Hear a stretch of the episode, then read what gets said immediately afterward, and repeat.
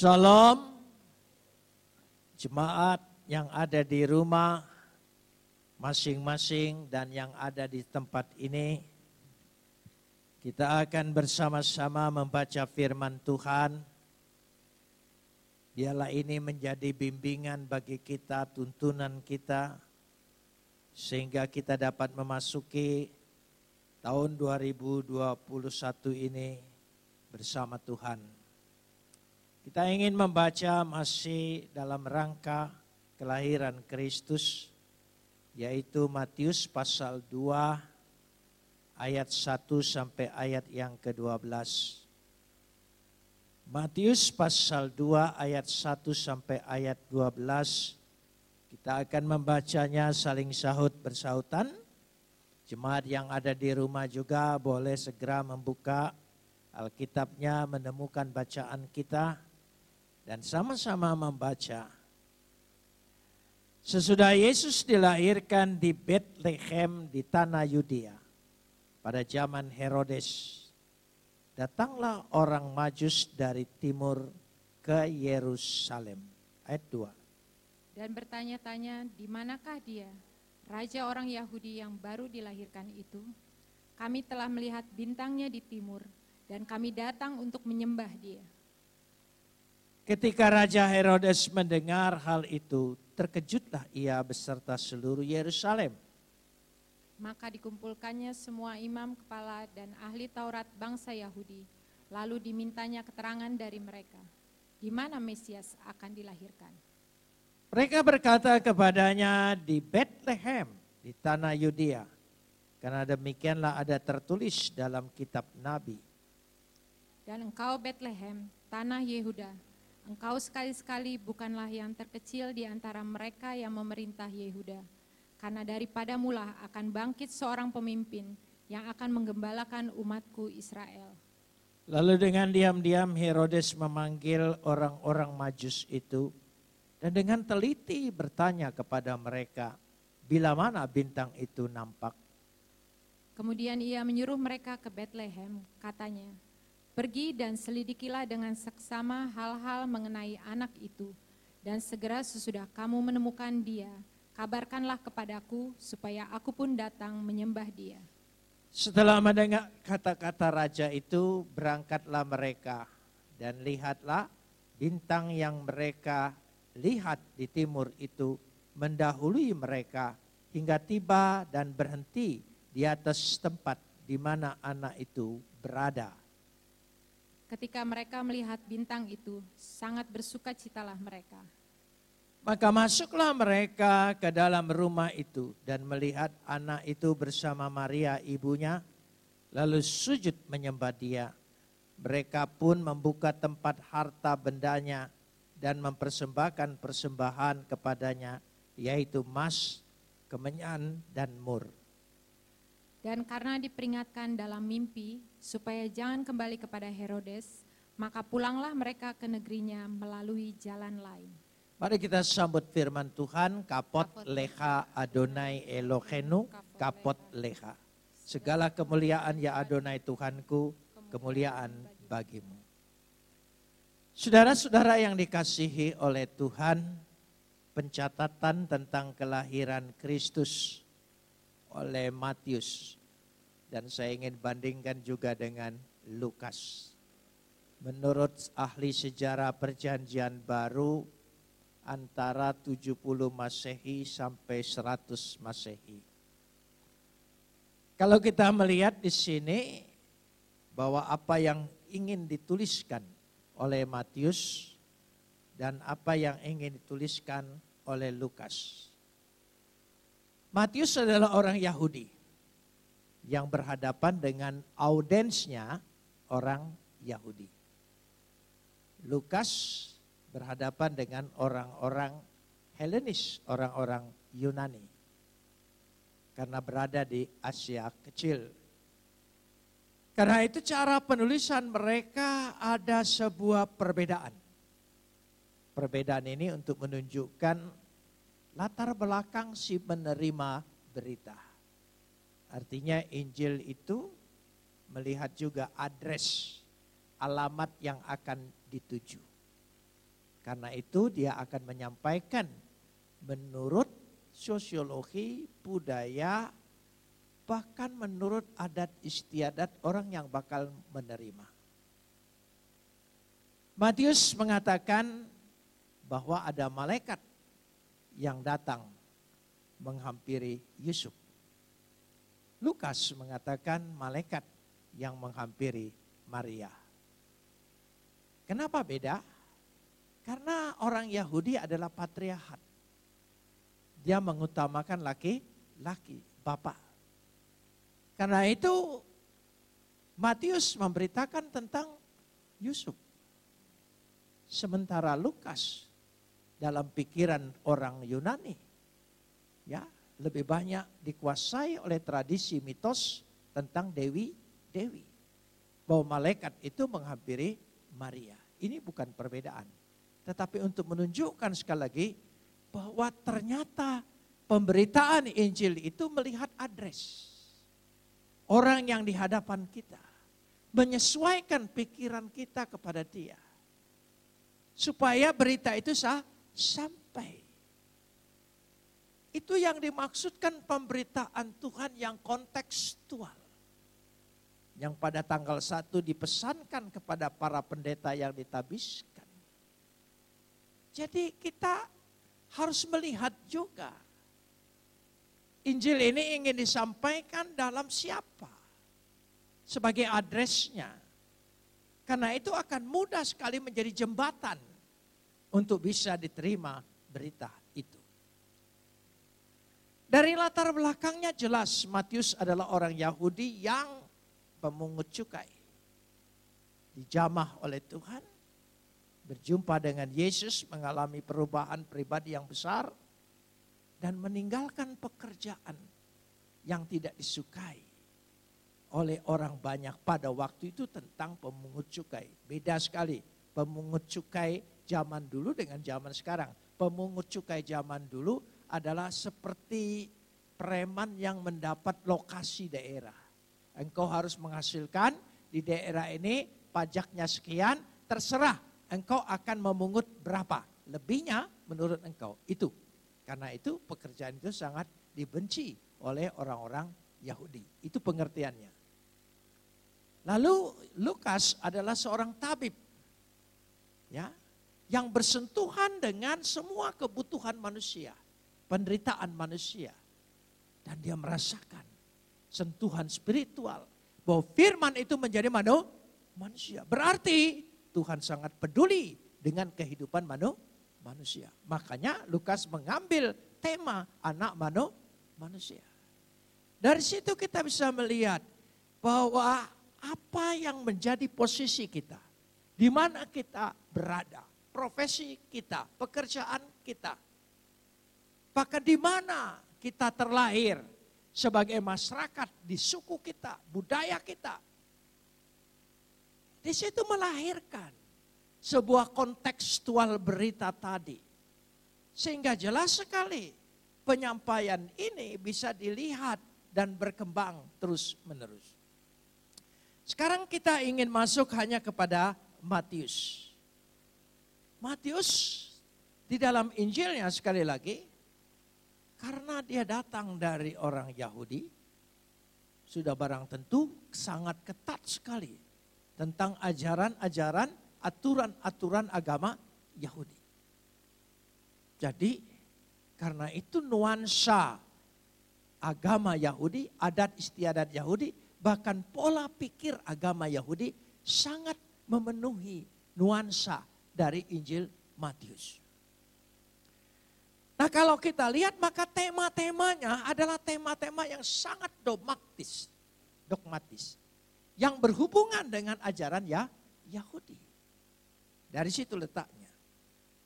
Nah kalau kita ingin melihat bersama-sama, karenanya saudara tidak akan menemukan dalam Injil Matius kandang, palungan. Karena itu bagi orang Yahudi, masa sih?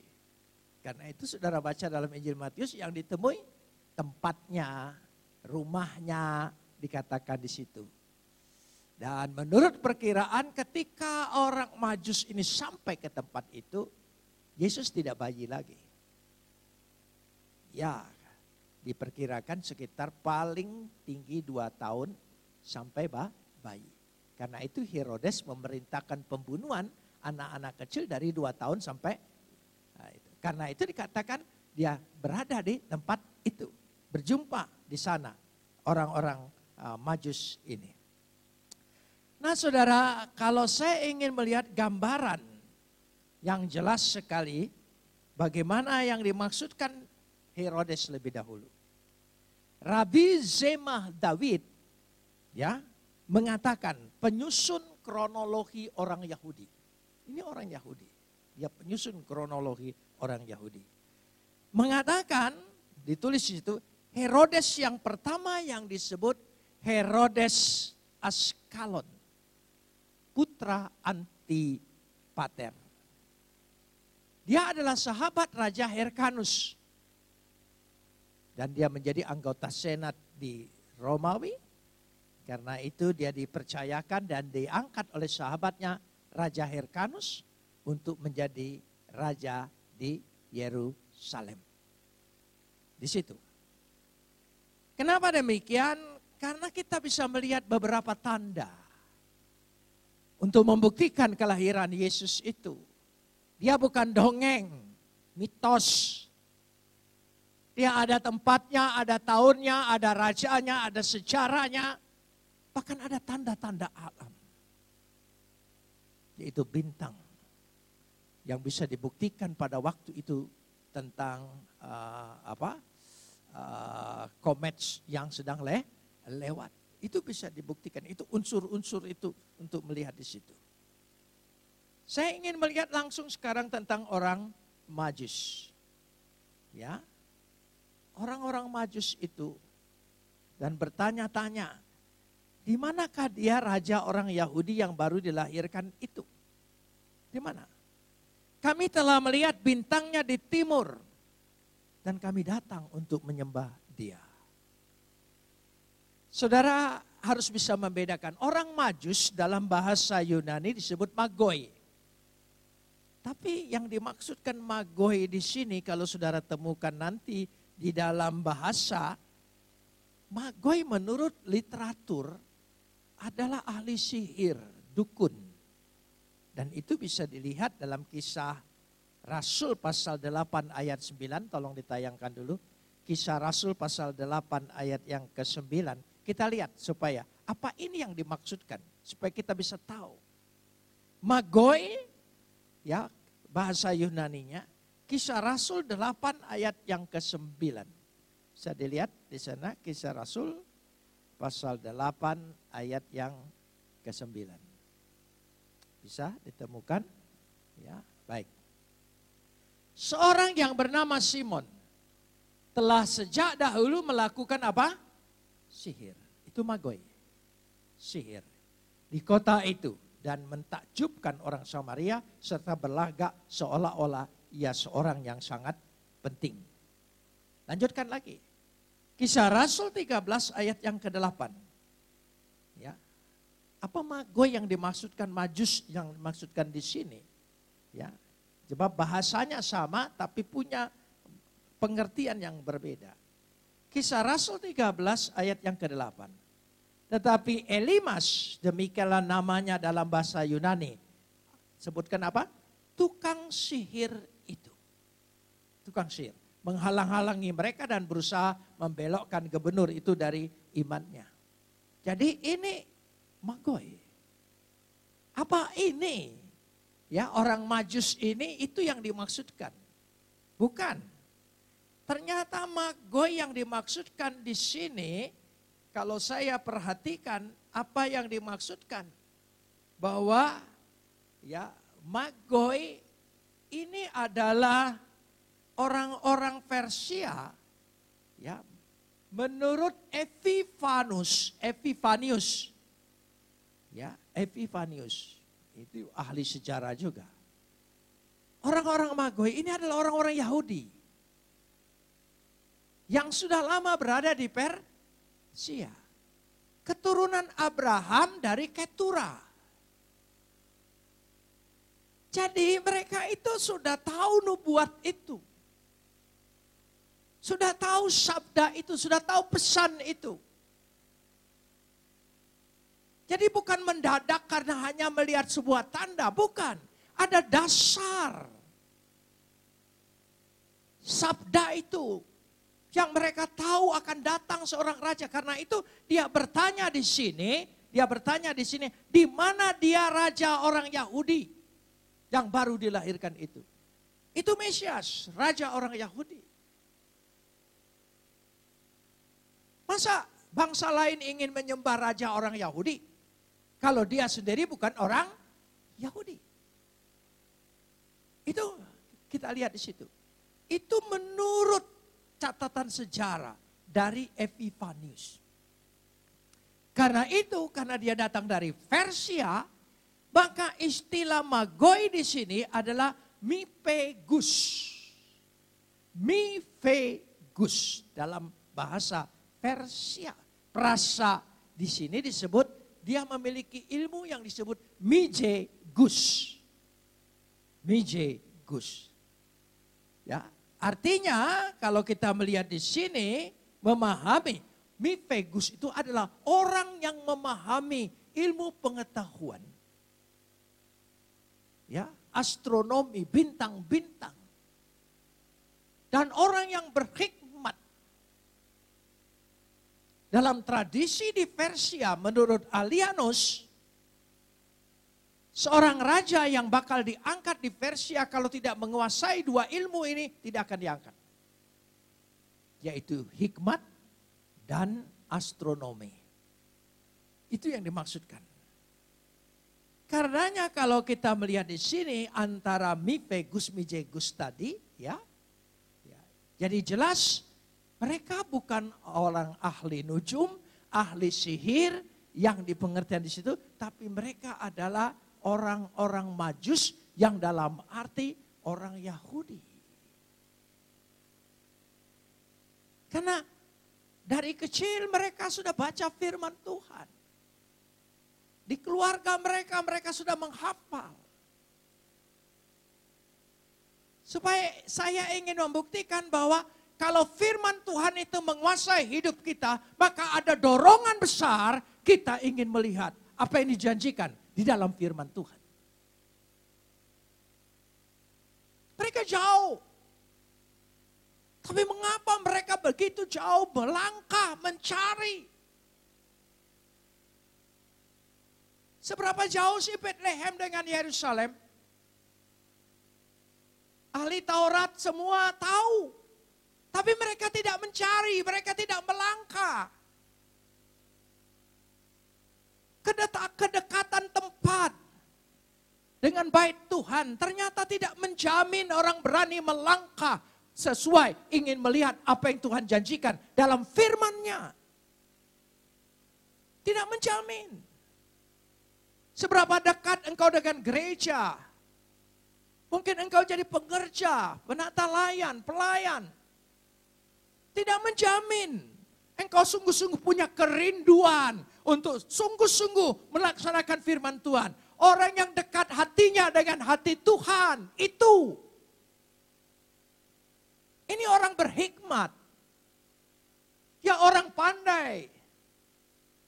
Tidak ada hambatan orang-orang Kristen yang berhikmat, yang saleh, untuk menguasai ilmu-ilmu di tengah-tengah dunia ini. Tidak salahnya. Tetapi keseimbangannya luar biasa. Orang pandai. Tetapi bukan kepandaiannya yang mendorong dia. Firman Tuhan yang tertanam di dalam dirinya. Merupakan sebuah kekuatan. Kalau firman Tuhan itu sungguh-sungguh di jemaat yang di rumah menguasai hidup kita, dia akan memberikan dorongan, kekuatan untuk kita berani melangkah, melihat janji Tuhan itu dibuktikan di dalam kehidupan kita. Amin.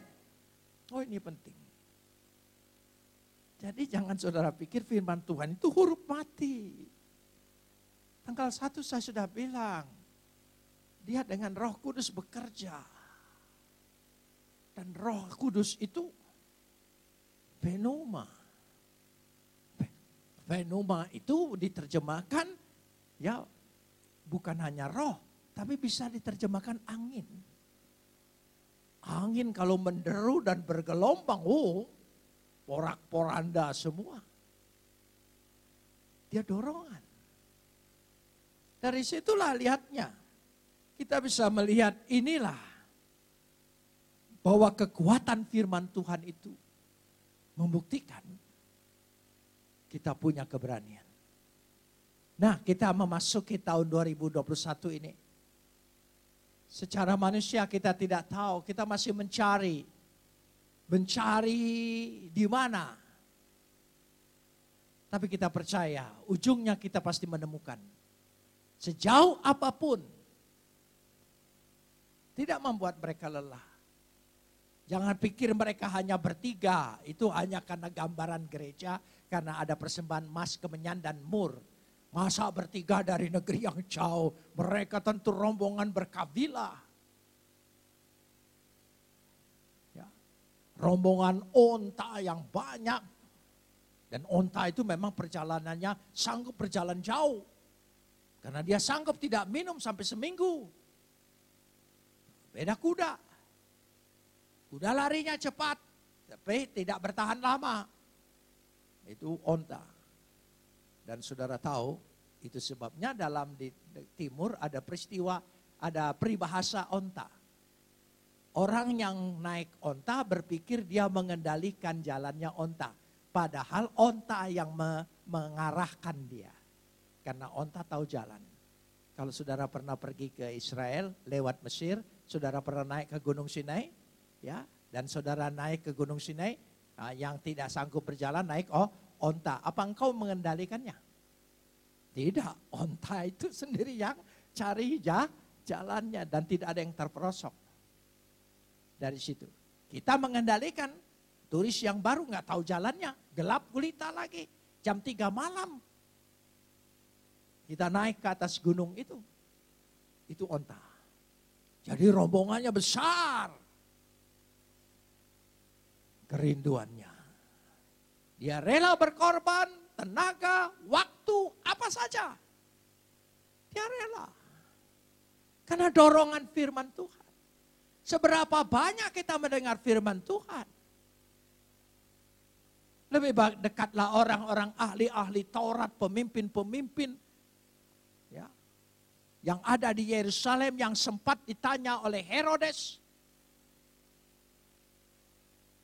Herodes juga ingin tahu kalau itu yang lahir raja, aku ini kan diangkat raja Yahudi oleh Hirkanus.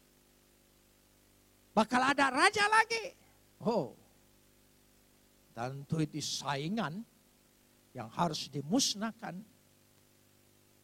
Kayak itu di Indonesia pernah masa-masa seperti itu jangan sampai ada orang berani-berani mencalonkan jadi presiden. Bisa ditangkap. Mimpi aja Sawito jadi presiden ditangkap. Saudara. Makanya yang ditanya oleh presiden waktu itu selalu anak taman kanak-kanak. Karena jaraknya jauh, jauh untuk jadi saingan. Tapi ini ketakutannya luar biasa. Raja orang Yahudi dilahirkan itu.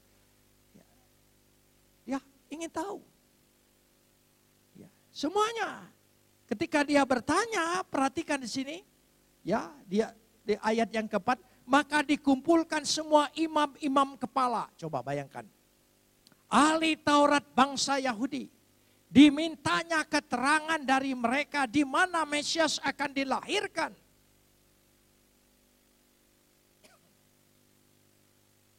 Ayat 5. Mereka berkata kepadanya, di mana coba? Di Bethlehem di tanah Yudea. Oh, dekat sekali. Karena demikianlah ada tertulis dalam kitab para nabi. Engkau Bethlehem. Ya, yang terkecil. Menurut Mika pasal 5 ayat 1 di sini engkau tidak akan terkecil lagi karena Yesus sudah lahir. Yang terkecil menjadi tidak terkecil. Berarti kalau ada Yesus ada perubahan. Sejarah bisa dirubah, keadaan bisa dirubah, semua bisa dirubah karena Yesus. Kalau Yesus lahir dalam hidup kita, hati kita, hidup kita pasti ada perubahan. Ada perubahan. Saudara perhatikan di sini, setelah Yesus lahir ayat 6, Engkau Bethlehem tanah Yehuda sekali-kali bukanlah yang terkecil di antara mereka yang memerintah Yehuda. Karena, coba sambung. Pada mula akan bangkit seorang pemimpin yang akan mengembalakan umat Israel. Padahal nubuatnya Mika pasal 5, Hai Bethlehem engkau yang terkecil. Yang terkecil tidak lagi menjadi yang terkecil. Itu karena ada Yesus. Sekali lagi. Kita masuki tahun 2021 yang sangat tidak menentu, masih mencekam ketakutan. Ya. Saya melihat berapa banyak ada orang memulai tahun baru dengan kehilangan. Luar biasa. Menakutkan. Tetapi sekali lagi, kalau ada Yesus, ada Yesus, tidak ada ketakutan. Di mana kita mengimani firman, firman Tuhan. Kitab suci kita bukan kitab suci huruf mati, dogma. Kitab suci kita adalah firman yang hidup. Karena dihidupkan oleh firman yang hidup turun dari sorga. Siapa namanya? Yesus. Yesus jadi jaminan. Semua agama punya nabi, tapi apakah nabinya menjadi jaminannya? Tidak kan?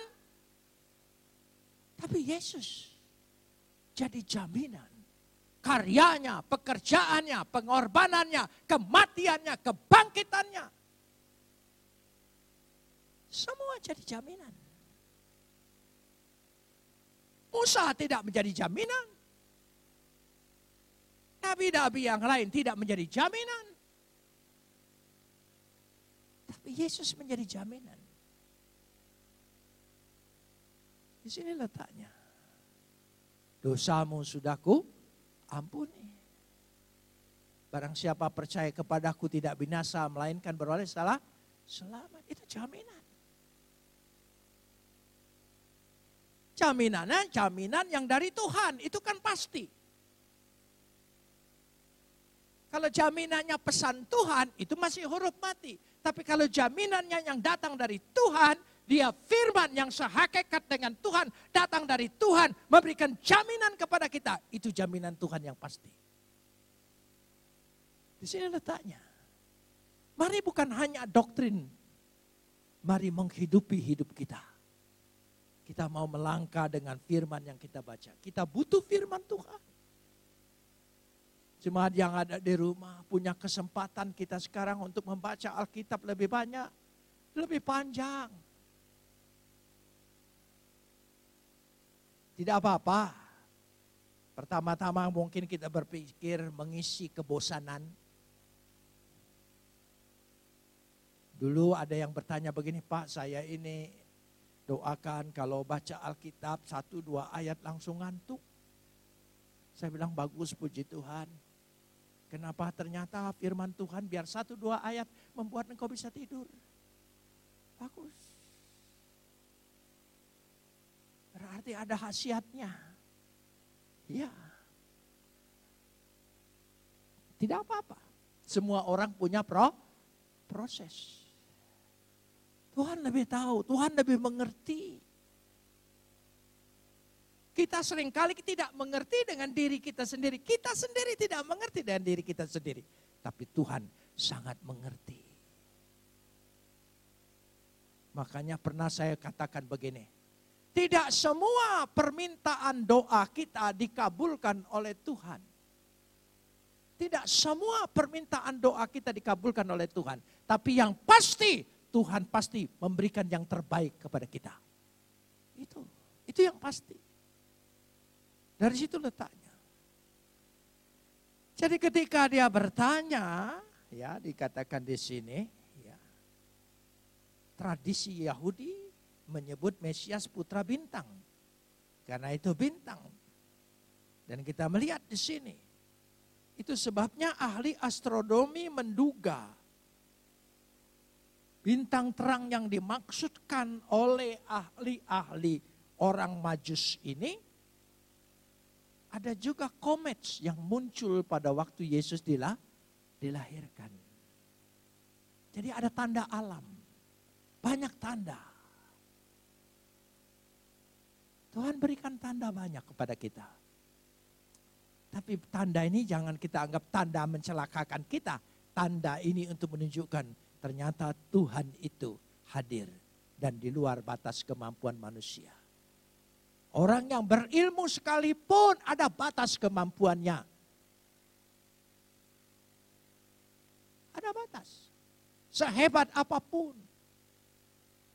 Saudara bisa baca ahli-ahli filsafat, ahli-ahli pikir. Pada masa mudanya, uh, seolah-olah tidak ada Tuhan. Tapi pada akhir-akhir hidupnya dia mengakui ketidakberdayaannya. Einstein, Stephen Hawking, mengakui. Baca buku yang terakhir daripada Stephen Hawking. Ada kekuatan lain yang tidak bisa diselidiki oleh dia. Dari situ. Karena itu saya selalu percaya Tuhan selalu memberi kesempatan kepada kita. Karena manusia bagaimanapun punya batas kemampuan yang terbatas. Itu letaknya. Maka dikatakan di sini mereka datang.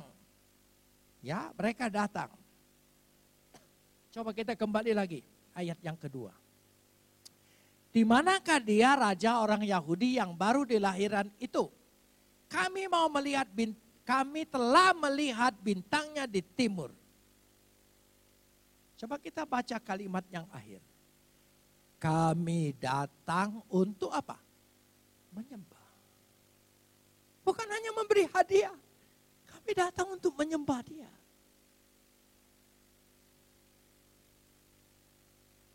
Jelas sekali. Dan mereka tahu siapa yang patut disembah. Mereka orang pandai. Orang majus dikatakan tadi. Mepegois. Jadi mereka tahu.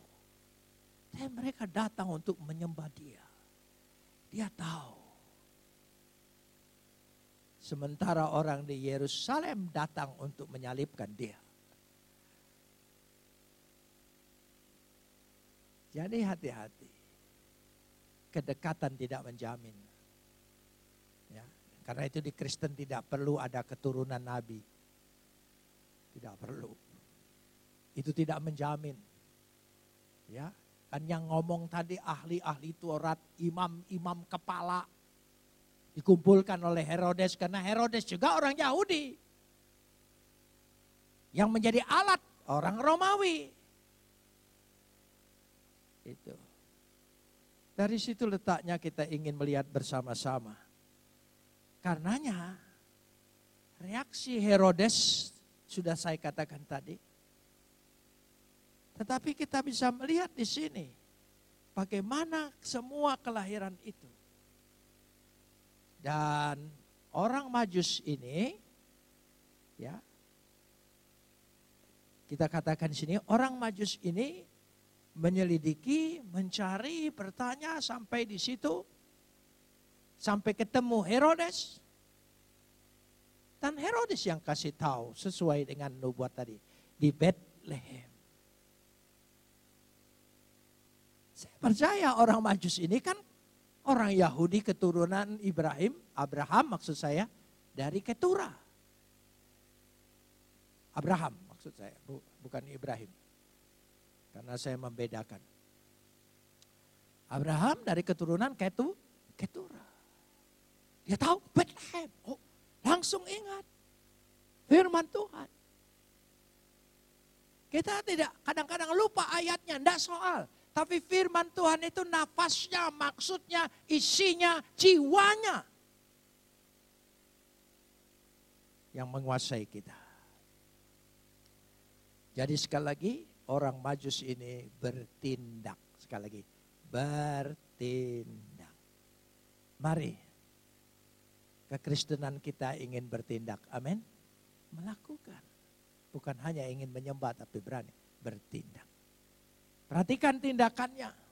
Kita baca dulu di sini dari ayat 9 sampai ayat yang ke-12 ya. Tindakannya apa? Ya. Ayat yang ke-10 kita lihat. Uh, ayat yang ke-9. Setelah mendengar kata-kata raja itu, berangkatlah mereka dan lihatlah bintang yang mereka lihat di timur itu mendahului mereka hingga tiba dan berhenti di atas tempat di mana anak itu berada. Tidak ketemu bayi yang dibungkus lampin kan? Tidak ketemu kandang. Ya. Tidak ketemu palungan. Itu berarti sudah gede. Ya. Dari situ. Anak itu berada, sudah rumah. Ya. Lalu ketika mereka melihat bintang itu satu. Apa yang terjadi? Hairo bersuka cita, bersuka cita. Orang yang melangkah punya kerinduan, keinginan, sungguh-sungguh ingin berjumpa dengan pribadi Yesus, pasti lahir sukacita di dalam hidupnya. Sukacita yang mengalir, menguasai hatinya. Amin. Sukacita sorga inilah yang Natal lahirkan. Natal menjadikan perantaraannya. Sukacita itu. Ayat yang ke-11 kita sambung. Setelah dia bersuka, maka masuklah mereka ke dalam apa? Rumah itu. Melihat anak itu bersama Maria ibunya, lalu sujud menyembah dia. Sujud menyembah dia. Yang menyembah, oh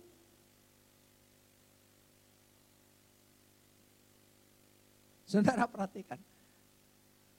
Saudara sering berkunjung ke uh, orang-orang melahirkan? Ya. Tahu bayinya lahir?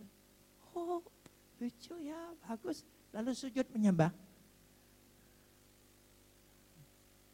Ya tidak. Karena dia tahu. Iman itu memberikan dorongan yang kuat untuk orang bertindak. Sekali lagi, Iman memberikan dorongan yang sangat kuat untuk memberikan tindakan kepada kita. Tanpa iman, tidak mungkin dia dari negeri yang jauh datang. Tanpa iman, tidak mungkin dia begitu sukarela melewati semua kesengsaraan jalan zaman dulu. Zaman dulu. Bahayanya lebih lebih besar. Dari situ letaknya. Dia datang, sekali lagi tadi, sudah berjumpa dan melihat tandanya, dia bersuka cita hairo. Yang kedua, dia datang pesontes prosekunesen auto. Sujud menyembah dia. Betul-betul sujud menyembah dia. Bukan hanya itu. Orang yang menyembah itu selalu melahirkan sebuah tindakan. Coba perhatikan mereka pun membuka tempat harta bendanya. Ya. Kalau imannya terbuka, harta bendanya terbuka. Kalau harta bendanya tetap tertutup, itu tandanya imannya belum membuka. Makanya sering kali saya berdiskusi dengan pendeta kalau sedang diundang ke daerah, mereka mengeluh tentang ini, ini, ini, ini. Jemaatnya kurang. Saya bilang jangan dikorek kantongnya. Susah tambah tutup. Korek imannya. Buka imannya. Nanti akan terbuka kantongnya. Itu orang majus. Jadi sekali lagi orang majus adalah lambang, tanda, simbol orang beriman yang bertindak. Sekali lagi orang yang beriman yang bertindak. Dari situ letaknya. Lalu mereka membuka persembahan itu. Sesuai dengan nubuat. Mas, krusos, sebagai lambang kemuliaan. Ya, biasanya sebagai lambang diberikan raja di atas segala raja. Kemenyan Libanos adalah lambang penyembahan. Karena menjadi ukupan. Murs, murna adalah lambang kesatuan tubuh manusia yang sering diidentikan dengan penderitaan dan kematian. Karena dia menjadi rempah-rempah bagi orang mah mati. Jadi persembahan ini kenapa aneh? Tidak aneh. Karena dia tahu Mesias itu datang buat apa. Orang Yerusalem tidak tahu. Ya, yang lalu saya sudah cerita. 700 tahun mereka itu mengalami penjajahan secara politik. Sehingga harapannya terhadap Mesias bukan lagi membebaskan dirinya dari dosa, membebaskan kesengsaraan manusia, tetapi membebaskan dirinya secara politik. Sehingga Petrus pun salah ngerti. Salah ngerti. Saya bayangkan begini. Kata orang, siapa? Oh, murid-muridnya yang di belakang Yesus. Kan kita selalu lihat bahwa pasti Yesus berjalan duluan kan? Tapi ketika dia Petrus mau menyatakan Mesias, Petrus lari ke depan berhadapan. Engkau Mesias. Yesus tegur, nyahlah, masuk barisan. Jangan di situ. Ya. Di situ letaknya. Jadi bukan, sebab Petrus masih berpikir, aku pasti masuk salah satu kabinetnya. Kan secara politik kalau dukung mendukung ada upahnya kan? Yesus bilang, kamu mau upahnya? Menderita, pikul salib, mati. Dari situ letaknya. Karenanya sekali lagi, kenapa orang majus ini mempersembahkan ini? Dia tahu ada kemuliaan ada tempat penyembahan berjumpa dengan Tuhan. Tidak seorang pun pernah melihat Bapak kecuali anak yang di pangkuan Bapak. Dialah yang menyatakannya. Dan lewat dia ada kematian, ada penderitaan yang untuk menebus dosa manusia. Jadi orang majus ini lebih alkitabiah daripada orang Yahudi yang ada di Yerusalem. Itu letaknya. Karena iman membuat orang dekat hati dengan hati. Hati manusia dengan hati Tuhan. Amin. Itu iman. Dan iman yang membuat kekuatan orang berani bertindak. Dan orang yang menyembah tidak bisa lepas daripada orang yang rela berkorban. Orang yang menyembah bukan orang kikir. Orang yang menyembah adalah orang yang rela berkorban. Biarlah peristiwa ini menjadi pelajaran kita bagi di GKA, terutama jemaat yang ada di rumah. Kita memperhatikan semuanya. Mari waktunya kita bertindak. Kalau kita tidak bertindak, virus yang bertindak. Ya, kita ingin kita yang bertindak. Amin. Apa tindakan kita? pakai masker, cuci tangan, jaga jarak, siap terima vak vaksin. Ini vaksin sudah datang masih berdebat halal atau haram.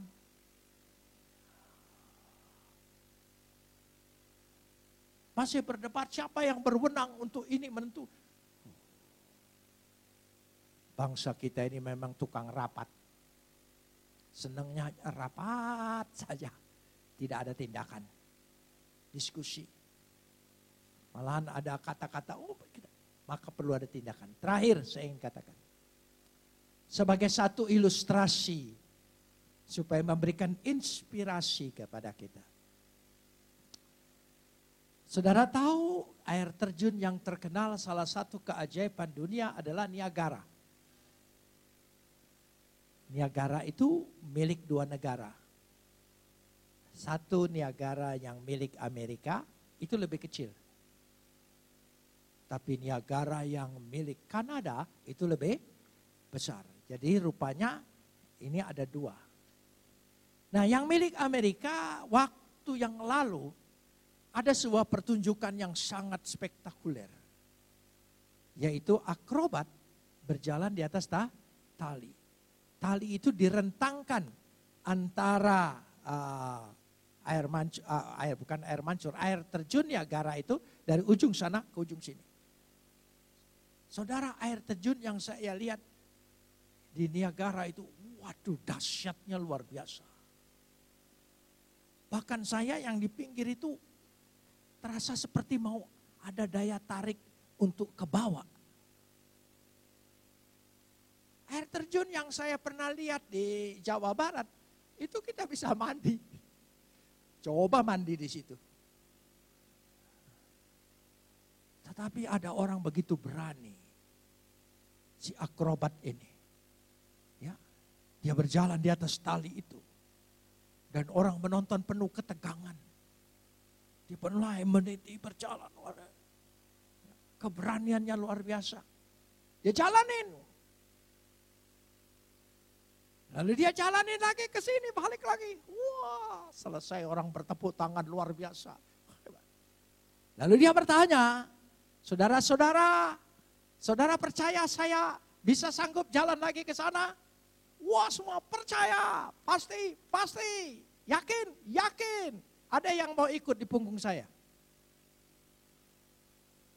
Gak ada satupun yang menjawab. Gak ada. Gak ada. Dia tanya lagi, ada yang mau ikut tidak? Saudara percaya enggak? Yakin enggak? Saya percaya. Kalau kamu yang jalan saya percaya. Tapi ikut enggak? Jangan-jangan kita dengan Yesus juga seperti itu.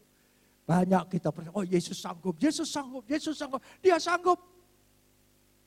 Tapi kita apatis, tidak ada kemampuan dan tidak ada kesanggupan. Dan tidak ada kemauan dan tidak ada tindakan. Mari kita renungkan ini. Kita mau berdoa. Kita naikkan pujian bersama sebelum kita masuk di dalam doa.